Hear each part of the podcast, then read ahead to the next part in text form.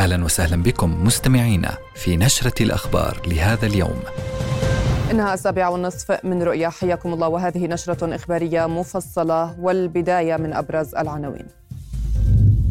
مؤازرة عربية. الملك يدعم جهد الجزائر في مجلس الأمن ويحذر من عواقب وقف دعم الأونروا على الغزيين واللاجئين. ونتابع. الفيتو بالمرصاد. واشنطن تجهض مشروع قرار جزائري حول غزة. ومجلس الأمن بين نارين هدنة دائمة تنشدها الجزائر. ومؤقتة تروج لها واشنطن. ونتابع في عناويننا. خلف القضبان شهادات حية على تنكيل الاحتلال بالأسرى. ومطالب بتحقيق دولي حول وقائع إعدام وضرب واغتصاب. وفي العناوين الرياضية أو الاقتصادية اعتصام ومنافسة تطبيقات غير مرخصة تغزو ساحة الأصفر. وسائقون في المفرق يحتجون ويطالبون بتنظيم القطاع. وأخيرا في العناوين الرياضية دوري المحترفين. الرمثة في ضيافة الوحدات والفيصلي يتحدى مغير السرحان غدا. إذا كانت هذه العناوين وإلى التفاصيل.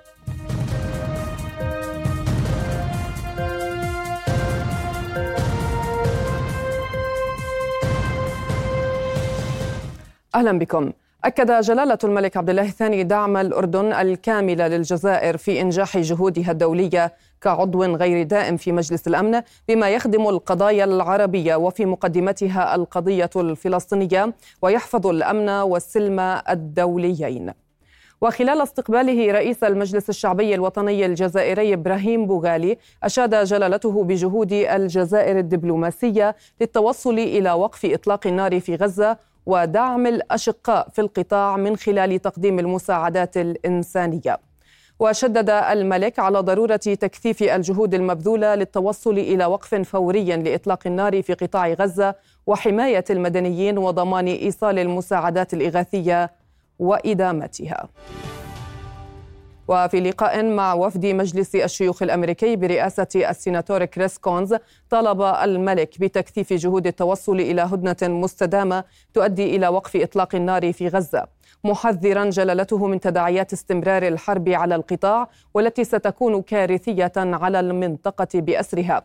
كما حذر جلالة الملك من وقف الدعم الدولي لوكالة الأونروا التي تعد شريانا مهما لنحو مليوني شخص ممن يواجهون خطر المجاعة بغزة خاصة مع اقتراب شهر رمضان المبارك. ونبه جلالته إلى خطورة الهجوم الإسرائيلي على مدينة رفح كما حذر من أعمال العنف التي يرتكبها المستوطنون المتطرفون بحق الفلسطينيين في الضفة الغربية المحتلة.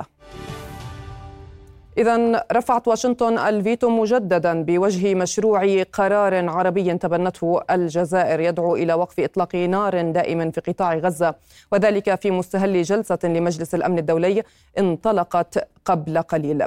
المشروع الجزائري يطالب بوقف الحرب وحث أطرافها على الامتثال للقانون الدولي وحماية المدنيين.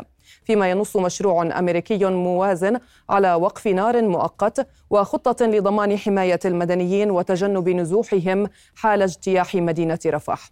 وعلى غرار سائر النصوص السابقة فإن مشروع القرار العربي لا يدين أحداث السابع من تشرين الأول الماضي وهو ما انتقدته إسرائيل وحليفتها الولايات المتحدة مرات عديدة. وكان الغزيون يترقبون صعود دخان أبيض من مجلس الأمن الدولي المستقطب الذي يعجز عن لجم عدوان الاحتلال جراء الفيتو الأمريكي الرابط بالمرصاد منذ قرابة الخمسة أشهر وهو ثالث فيتو تشهره واشنطن حتى هذه اللحظة. رؤيا رصدت ردود فعل الغزيين حيال المواقف الأممية تجاه العدوان على القطاع. خليت إحنا مع أي وقف إطلاق نار سواء كان المش... ال... ال... هذا الورقة الجزائرية أو الورقة ورقة ال... الولايات المتحدة. فإحنا على اي أي توقيع على وقف إطلاق النار إحنا معه. لأنه إحنا الوضع هنا صار شكل مأساوي جدا ولا يحتمل إنه إحنا نمر في أي مثلا يوم زيادة. كل يوم بيعدي علينا بكون أصعب خصوصا إحنا هالقد داخلين على شهر فضيل وهو شهر رمضان. استحالة إنه إحنا نقضي فيه رمضان في في الظروف هاي. إحنا تعبنا من هذه الحرب. آه، اطفال أطفالنا تشردوا. قزازه ماء الحصول على قنية ماء غير غير قادرين نتحصل عليها الحين مش موجود. إخواننا في الشمال في الشمال إحنا موجود الآن موجودين في رفح أخوتنا في الشمال. ماتوا من الجوع الحين مش قادرين يتحصلوا عليه. وهذا بصراحة يعني في جميع الدول العربية والأوروبية مش موجود. إحنا أهم حاجة عندنا إنه تقف الحرب نهائيا. لأنه إحنا الحرب هذه آه، دمرتنا يعني يعني انسانيا وشهداء وإصابات وقتل وتشريد وترهيب. فإحنا أهم حاجة إنه تقف الحرب نهائيا يعني أهم حاجة. طبعا إحنا في ظروف صعبة جدا جدا. هناك آه، عدد كبير من النازحين في مدينة رفح. آه، حالة إنسانية كارثة جدا. لا تسمح في إطالة الحرب أكثر من هيك. وقف إطلاق النار نهائي عن قطاع غزة. عشان إحنا في ناس ماتت جوع في إخواننا في الشمال وفي ناس ماتت من قلة الأكل وقلة الشرب وفي ناس ماتت وهي تحت الأنقاض. ما في معدات إنقاذ ولا في أي حدا عالم في حالة هي وين. في اليوم الثاني لجلساتها العلنية حثت جنوب أفريقيا محكمة العدل الدولية على إصدار رأي استشاري يقر بأن احتلال الأراضي الفلسطينية غير قانوني. معتبرة أن هذا القرار يعزز الجهود الرامية للتوصل إلى تسوية سياسية. وفي إحاطته أمام المحكمة أكد ممثل جنوب أفريقيا سيموزي مادونسيلا أن إسرائيل تعد نفسها غير مقيدة في أفعالها ضد الفلسطينيين. وطالب بأن يكون الموقف من نظام الفصل العنصري واضحا مؤكدا أن الاحتلال استمر لوقت طويل في تحد لكل الأنظمة والقوانين الدولية والمئات من قرارات الأمم المتحدة. بدوره أكد ممثل السعودية زياد بن معاشي في مرافعته أمام المحكمة بأن الاحتلال المستمر أدى إلى أبشع النتائج. وبينما ذكر بالإجماع الدولي على عدم شرعيته رفض بن معاشي أي تبرير للممارسات الإسرائيلية في الأراضي الفلسطينية وقتل آلاف الأبرياء وتهجيرهم من قطاع غزة. في ظل تعثر المفاوضات بشأن صفقة جدية لتبادل الأسرى بين حماس وتل أبيب وضعت خطوطها العريضة في اجتماع بباريس الشهر المنصرم. وصل وفد من حماس برئاسة رئيس مكتبها السياسي إسماعيل هنية إلى القاهرة لاستكمال نقاش مقترحات التهدئة في القطاع المحاصر مع مسؤولين مصريين. هذا وفي الوقت الذي تصف إسرائيل مطالب حماس بأنها ضرب من الخيال. أكد هنية أن الحركة تتعامل بروح إيجابية ومسؤولية عالية مع المفاوضات الجارية.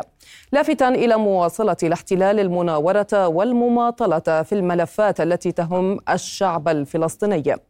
من جانبه رفض الوسيط القطري على لسان المتحدث باسم الخارجية ماجد الأنصاري أي هجوم إسرائيلي على رفح مرجحا أن يؤثر هذا الهجوم في حال وقوعه على المفاوضات الجارية بشأن وقف إطلاق النار وتحقيق صفقة لتبادل الأسرى.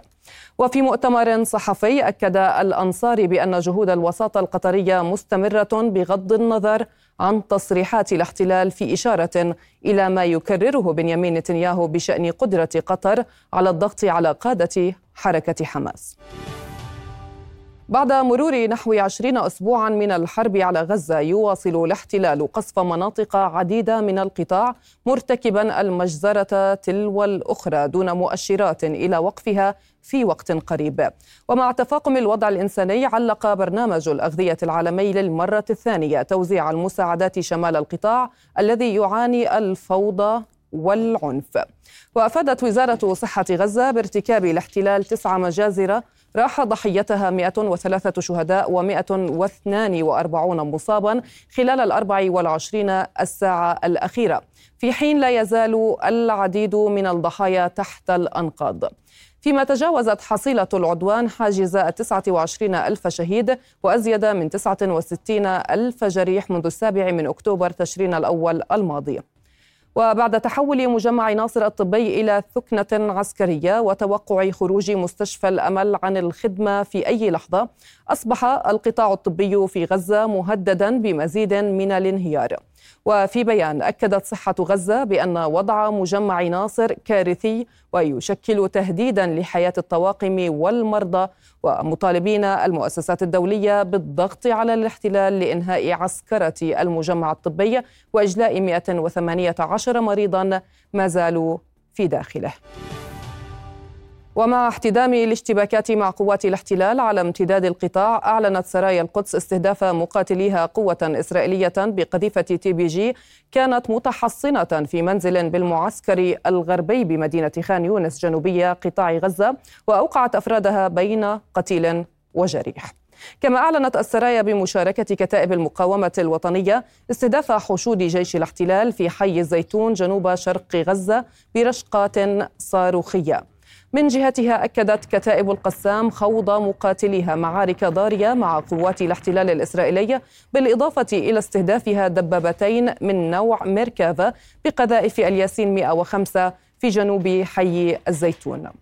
هذا وبثت القسام مشاهد من استهدافها لطائرات الاحتلال بصواريخ سام سبعة في أجواء مدينة غزة. تحت بند سمح بالنشر. اعترف جيش الاحتلال بمقتل جندي برتبة رقيب في المعارك الدائرة جنوبي قطاع غزة. ما يرفع عدد قتلاه المعلن إلى 575 قتيلا منذ السابع من أكتوبر تشرين الأول الماضي. هذا وأعلن جيش الاحتلال أيضا عن إصابة 46 عسكريا في معارك القطاع خلال آخر 24 ساعة ما يرفع عدد مصابيه منذ بداية الحرب إلى أكثر من ثلاثة آلاف مصاب. وعلى صعيد آخر أفادت إذاعة جيش الاحتلال بأن التقديرات تشير إلى قرب انتهاء العملية البرية في خان يونس جنوبي قطاع غزة مشيرة إلى أن الفرقة العسكرية 98 التي تقاتل هناك تقترب من استكمال مهامها في المنطقة. كما كشفت إذاعة الجيش عن قرار رئيس الأركان هيرتسي هوليفي ببدء تحقيقات داخلية في كافة وحدات الجيش في أحداث السابع من أكتوبر تشرين الأول الماضي. طالبت مؤسسات الأسرى بفتح تحقيق دولي في الجرائم التي ترتكبها سلطات الاحتلال داخل السجون في ضوء تصاعد الإفادات والشهادات حول تعرض بعض المعتقلين والمعتقلات لاعتداءات جنسية. وأكد القائمون على الاعتصام الأسبوعي لأهالي الأسرى في مدينة البيرة أن التقرير الذي صدر عن هيئة الأمم المتحدة يوم أمس كشف لأول مرة عن تعرض فلسطينيات ومن بينهن معتقلات إلى انتهاكات جسيمة وجرائم صارخة واعتداءات جنسية من بينها تعرض معتقلتين من غزة على الأقل للاغتصاب. إضافة إلى عمليات تهديد بالاغتصاب وتفتيش عاري وتحرش. غالبية من تم الإفراج عنهم أشاروا إلى يعني بعض التقاطعات في الإفادات فيما يتعلق بالتفتيش العاري المذل وأيضا آه، الأسرى تعرضوا للضرب المبرح على مناطق حساسة بشكل مباشر. ومنهم من تضرر يعني فعليا وهو بحاجة للمتابعة الصحية.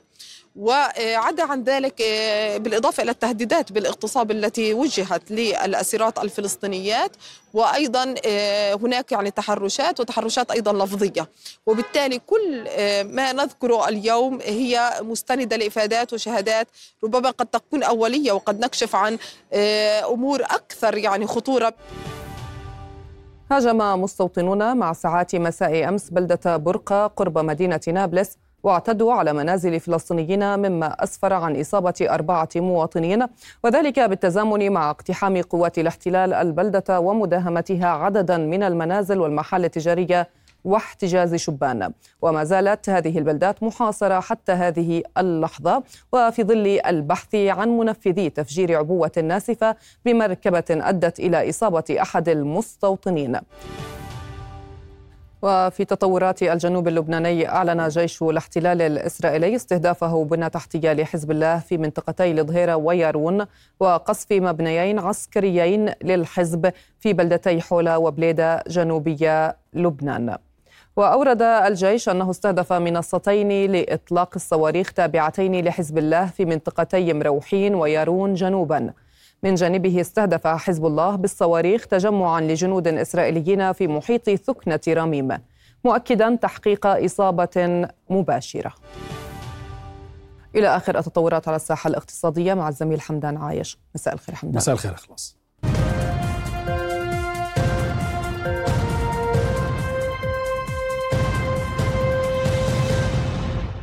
أهلا بكم. أكد رئيس هيئة تنظيم قطاع النقل البري عبد الرحمن وريكات وجود تطبيقات غير مرخصة في الأردن. تستخدمها السيارات الخصوصي في نقل الركاب وعددها لا يمكن حصره وأن العمل جار مع الجهات المعنية على إيقافها وتم اتخاذ خطوات عملية بهذا الشأن. جاء ذلك خلال متابعة لبرنامج من هنا نبدأ الذي يعرض على قناة رؤية لقضية اعتصام سائقي التاكسي في المفرق أمام دار المحافظة.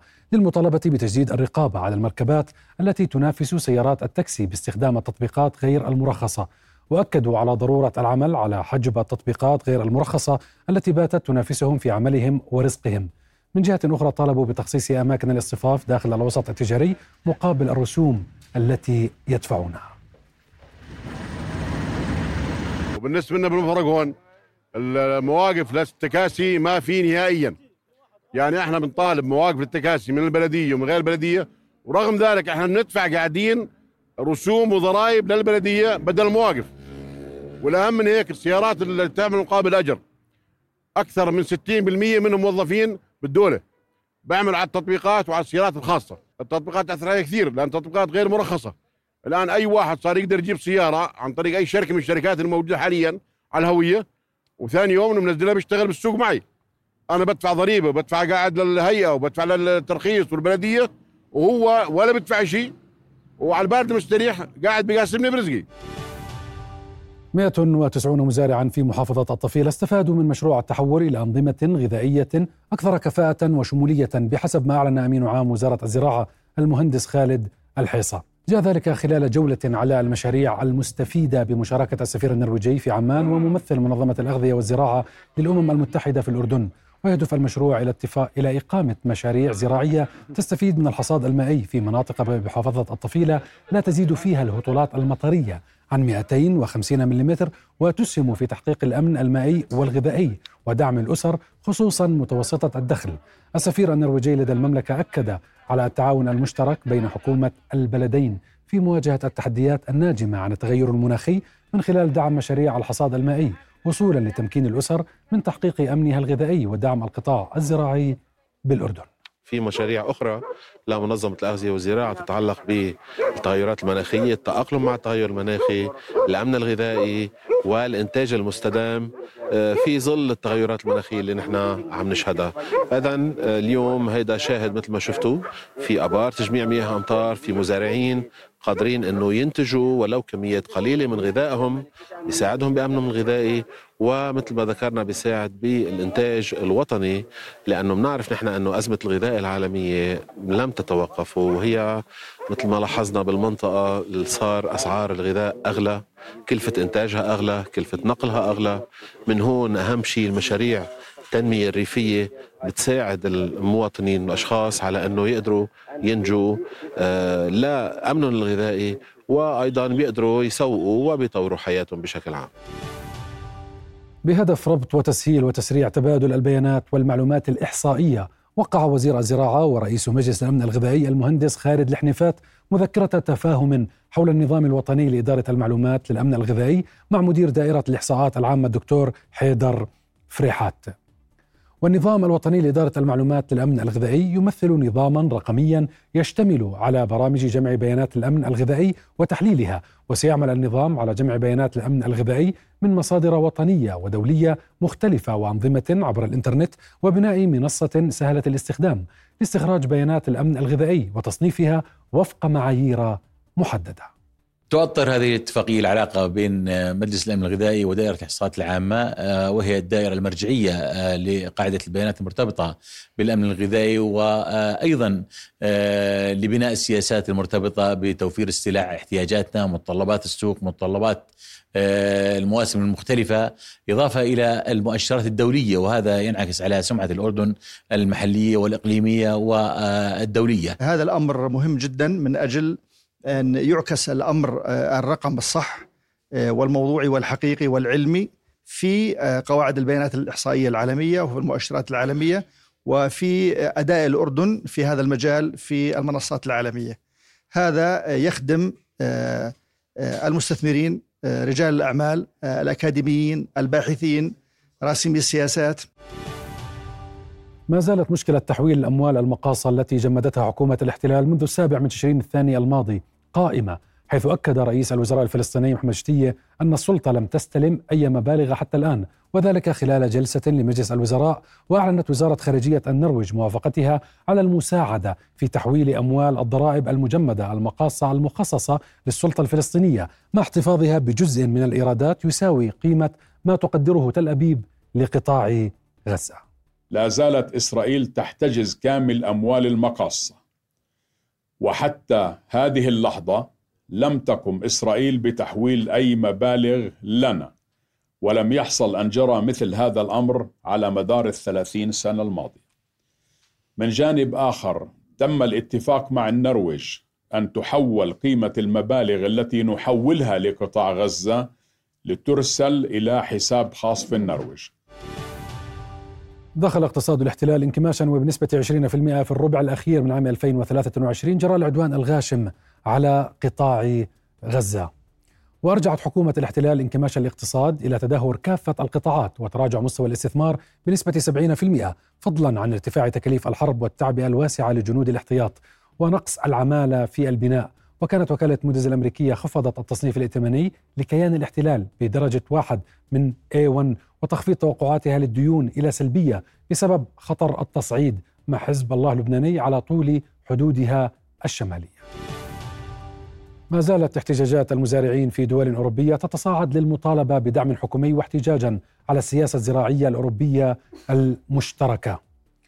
وفي بولندا واليونان وفرنسا نظم المزارعون احتجاجا بجراراتهم ضد إجراءات الاتحاد الأوروبي لمكافحة تغير المناخ والمنافسة غير العادلة مع منتجات لا تخضع لنفس الشروط فضلا عن الاستيراد الضخم للمنتجات الأوكرانية كما صعد المزارعون المعركة مع حكوماتهم بشأن ظروفهم المعيشية جرى انخفاض أسعار منتجاتهم ونقص الدعم المقدم للقطاع.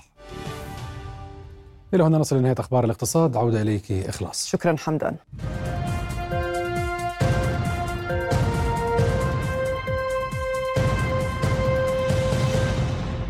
أهلا بكم من جديد. نظم الملتقى الوطني لدعم المقاومة وحماية الوطن اليوم وقفة أمام وزارة المياه والري رفضا لتجديد عقد إيجار متنزه الأردن البيئي مع جمعية حماية الأرض والبيئة أصدقاء الأرض سابقا الذي ينتهي في شهر آذار القادم. وبحسب المشاركين فإن الجمعية المستأجرة للمتنزه هي ذاتها منظمة آيكوبيس الشرق الأوسط الصهيونية فطالب المشاركون بوقف كل أشكال التطبيع وإلغاء كافة الاتفاقيات مع كيان الاحتلال. ويستغل المتنزه الذي كان يعرف باسم شرحبيل بن حسنة في مشاريع الحفاظ على البيئة من خلال دمج الشباب الأردني والفلسطيني في, في برامج بيئية وورشات عمل مشتركة. اليوم مطلب الملتقى الوطني دعم المقاومة والشعب الأردني والقوى البيئية والجمعيات البيئية الأردنية بعدم تجديد هذا العقد مع هذه المؤسسة التطبيعية.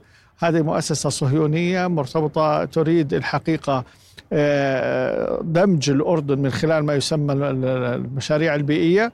ومن هنا الحقيقة الأردنيين يرفضون أي علاقة مع هذا الكيان الصهيوني بأي صفة وأي شكل وبأي بأي مهما كان شكلها ومهما تجدد شكلها. الآن مطلبنا واضح. آه، هذا العقد الذي يمنح أرض أردنية لمنظمة مشبوهة لها مكاتب في عمان وفي تل أبيب وفي رام الله وتسعى إلى الهيمنة على مواردنا الطبيعية. ينتهي هذا العقد بتاريخ 9 آذار المقبل.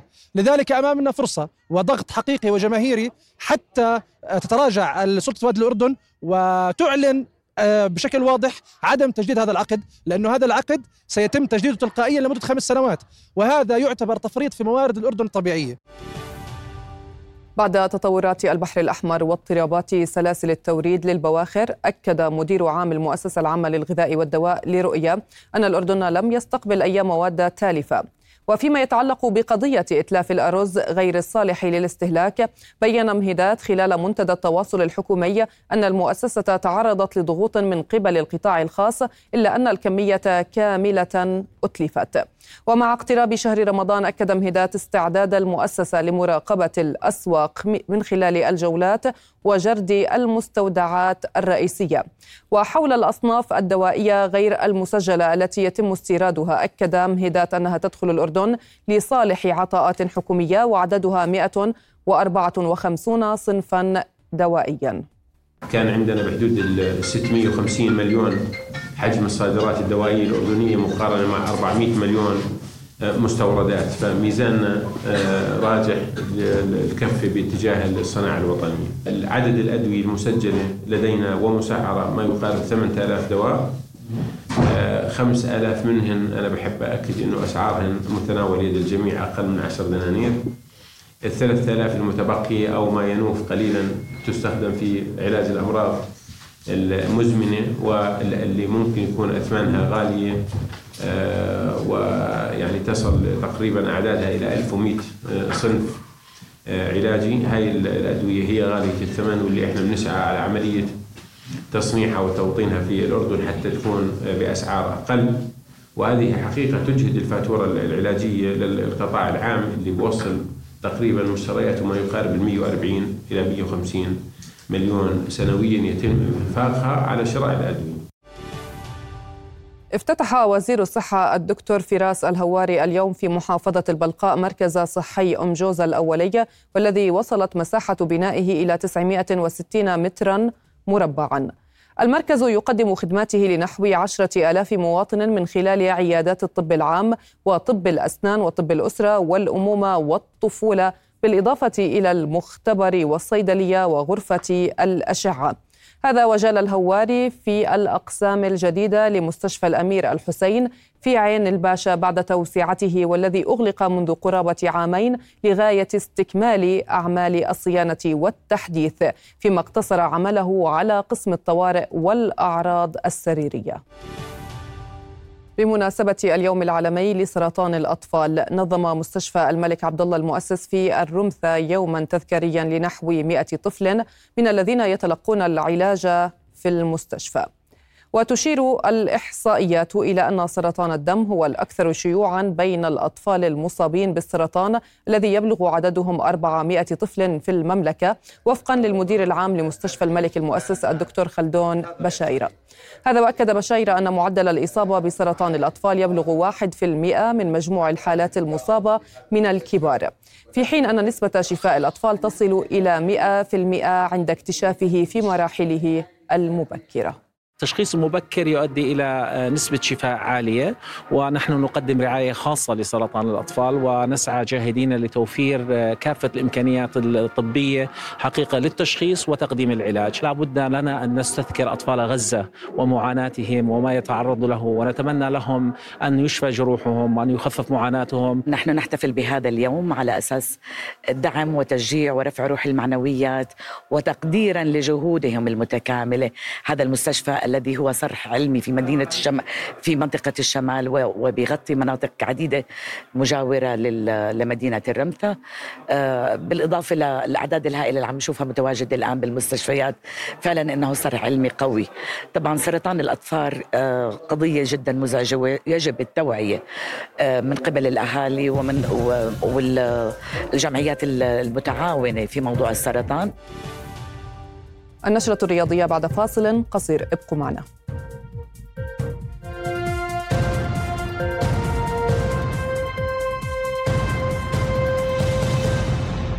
إذا آخر التطورات على الساحة الرياضية مع سميحة مجدلاوية. مساء الخير سميحة. مساء الخير إخلاص. أهلا بكم. تقام يوم غد الأربعاء آخر مباراتين مؤجلتين من مرحلة الذهاب لدور المحترفين لكرة القدم وتجمعان الوحدات مع الرمثة والفيصلي مع مغير السرحان. المزيد من التفاصيل في هذا التقرير. يترقب عشاق كرة القدم الأردنية المباراتين الأخيرتين من مرحلة الذهاب لدور المحترفين حيث تجمع المباراة الأولى بين الوحدات والرمثة على استاد عمان الدولي في قمة مؤجلة من الجولة الثامنة للبطولة وتم تأجيلها بسبب مشاركة الوحدات في كأس الاتحاد الآسيوي. ويسعى الوحدات لتعويض خسارته الأخيرة مع الحسين إربد المتصدر وتقليص الفارق معه إذ يحل الفريق الأخضر وصيفا ب 23 نقطة وبفارق ثمان نقاط عن المركز الأول. بدوره يبحث الرمث عن خطف نقاط الفوز وتثبيت نفسه بصورة مميزة في المربع الذهبي للبطولة والاقتراب من الفيصل صاحب المركز الثالث. وفي مباراة من الجولة ذاتها يضرب الفيصل موعدا مع مغير السرحان وكان قد تم تأجيلها بسبب مشاركة الأزرق في دور أبطال آسيا. الفيصلي يسعى لطي صفحة التعادل الأخير مع شباب العقبة ومصالحة جماهيره الغاضبة من ابتعاده عن الحسين المتصدر بفارق عشر نقاط. بينما يستهدف مغير السرحان تحقيق نتيجة إيجابية تثبته في وسط سلم الترتيب إذ يأتي ثامنا بإحدى عشرة نقطة. وكان الحسين إربت قد ضمن صدارة الترتيب مع نهاية مرحلة الذهاب بعد فوزه الثمين على الوحدات قبل أيام بهدفين لهدف في مباراة مؤجلة من الجولة الخامسة واحتضنها استاد الحسن في إربد. أعلن الحد البحريني اليوم الثلاثاء عن تعيين المدرب الأردني إبراهيم حلمي مديرا فنيا لفريق كرة القدم. وأوضح الحد أن عقد المدرب إبراهيم حلمي مع الفريق يمتد حتى نهاية الموسم الحالي حيث سيكون عليه إنقاذ الفريق من شبح الهبوط. ويعتبر حلمي ملما بقدرات الفرق البحرينية وسبق أن تولى تدريب الرفاع الشرقي كما درب العديد من الفرق الأردنية مثل البقعة ومعن. تشهد الليلة إقامة مباراتين لحساب ذهاب الدور ثمن النهائي من دوري أبطال أوروبا حيث يضرب بروسيا دورتموند موعدا مع إيندهوفن كما يلتقي أتلتيكو مدريد مع إنتر ميلان. التفاصيل في هذا التقرير. بشغف وحماس ينتظر عشاق كرة القدم الأوروبية لحظات عزف نشيد دوري أبطال أوروبا في ملعب جوزيبي مياتزا عندما يحل أتلتيكو مدريد الإسباني ضيفا ثقيلا على إنتر ميلان الإيطالي. المباراة التي ستلعب لحساب ذهاب ثمن النهائي من البطولة ستقام بحسابات كبيرة. حيث يسعى أصحاب الأرض لمواصلة طريقهم في البطولة وتكرار العروض التي قادتهم لنهائي النسخة الماضية. بينما يبحث أتلتيكو مدريد عن مصالحة جماهيره الغاضبة بسبب ابتعاد الفريق عن المنافسة محليا خصوصا وأن كتيبة المدير الفني الأرجنتيني دياغو سيميوني مدججة بالنجوم وفي مقدمتهم الفرنسي أنطوان غريزمان وفي المباراة الثانية يتوجه بروسيا دورتموند الألماني إلى هولندا لمواجهة أيندهوفن في لقاء صعب على أصحاب الأرض في ظل المستويات المميزة التي يقدمها الفريق الأصفر في دوري أبطال أوروبا هذا الموسم. وكان دورتموند قد تصدر المجموعة الأصعب في البطولة والتي ضمت أندية باريس سان جيرمان الفرنسي وميلان الإيطالي ونيوكاسل الإنجليزي ليقدم نفسه مرشحا قويا للوصول بعيدا في مشواره الأوروبي. أعلن نادي أولمبيك مرسيليا اليوم الثلاثاء إقالة المدرب الإيطالي جاتوزو من منصب المدير الفني بسبب تراجع نتائج الفريق خلال الفترة الأخيرة. وقرر نادي مرسيليا تعيين المدرب الفرنسي جان لويس غاسي مدرب منتخب كوت ديفوار السابق مديرا فنيا للفريق. واكتفى مرسيليا بفوز وحيد في آخر تسع مباريات خاضها ليحتل المركز التاسع على سلم الترتيب ويبتعد عن المقاعد المؤهلة لدوري أبطال أوروبا في الموسم المقبل. أكد الإسباني كارلوس الكراز المصنف الثاني عالميا أنه من الجيد تتويج لاعبين من جيل الشباب بألقاب الجراند سلام مثلما فعل الإيطالي يانيك سينر عندما فاز ببطولة أستراليا المفتوحة الكبرى هذا العام. وقال الكراز في تصريحات صحفية أنه بحاجة لاستعادة أفضل مستوياته ليكون قادرا على مواجهة سينر والفوز عليه. كشف الإسباني الشاب أن أحد أهدافه هذا العام هو الفوز بالميدالية الذهبية في دورة الألعاب الأولمبية لأنه يريد إعادة إنجاز لاسكتلندي أندي موراي وحصد ميداليتين أولمبيتين على الأقل. إلى هنا نكون قد وصلنا إلى نهاية أخبار الرياضة. عودة إليك إخلاص. شكرا سميحة. إذا وصلنا إلى ختام النشرة. في أمان الله.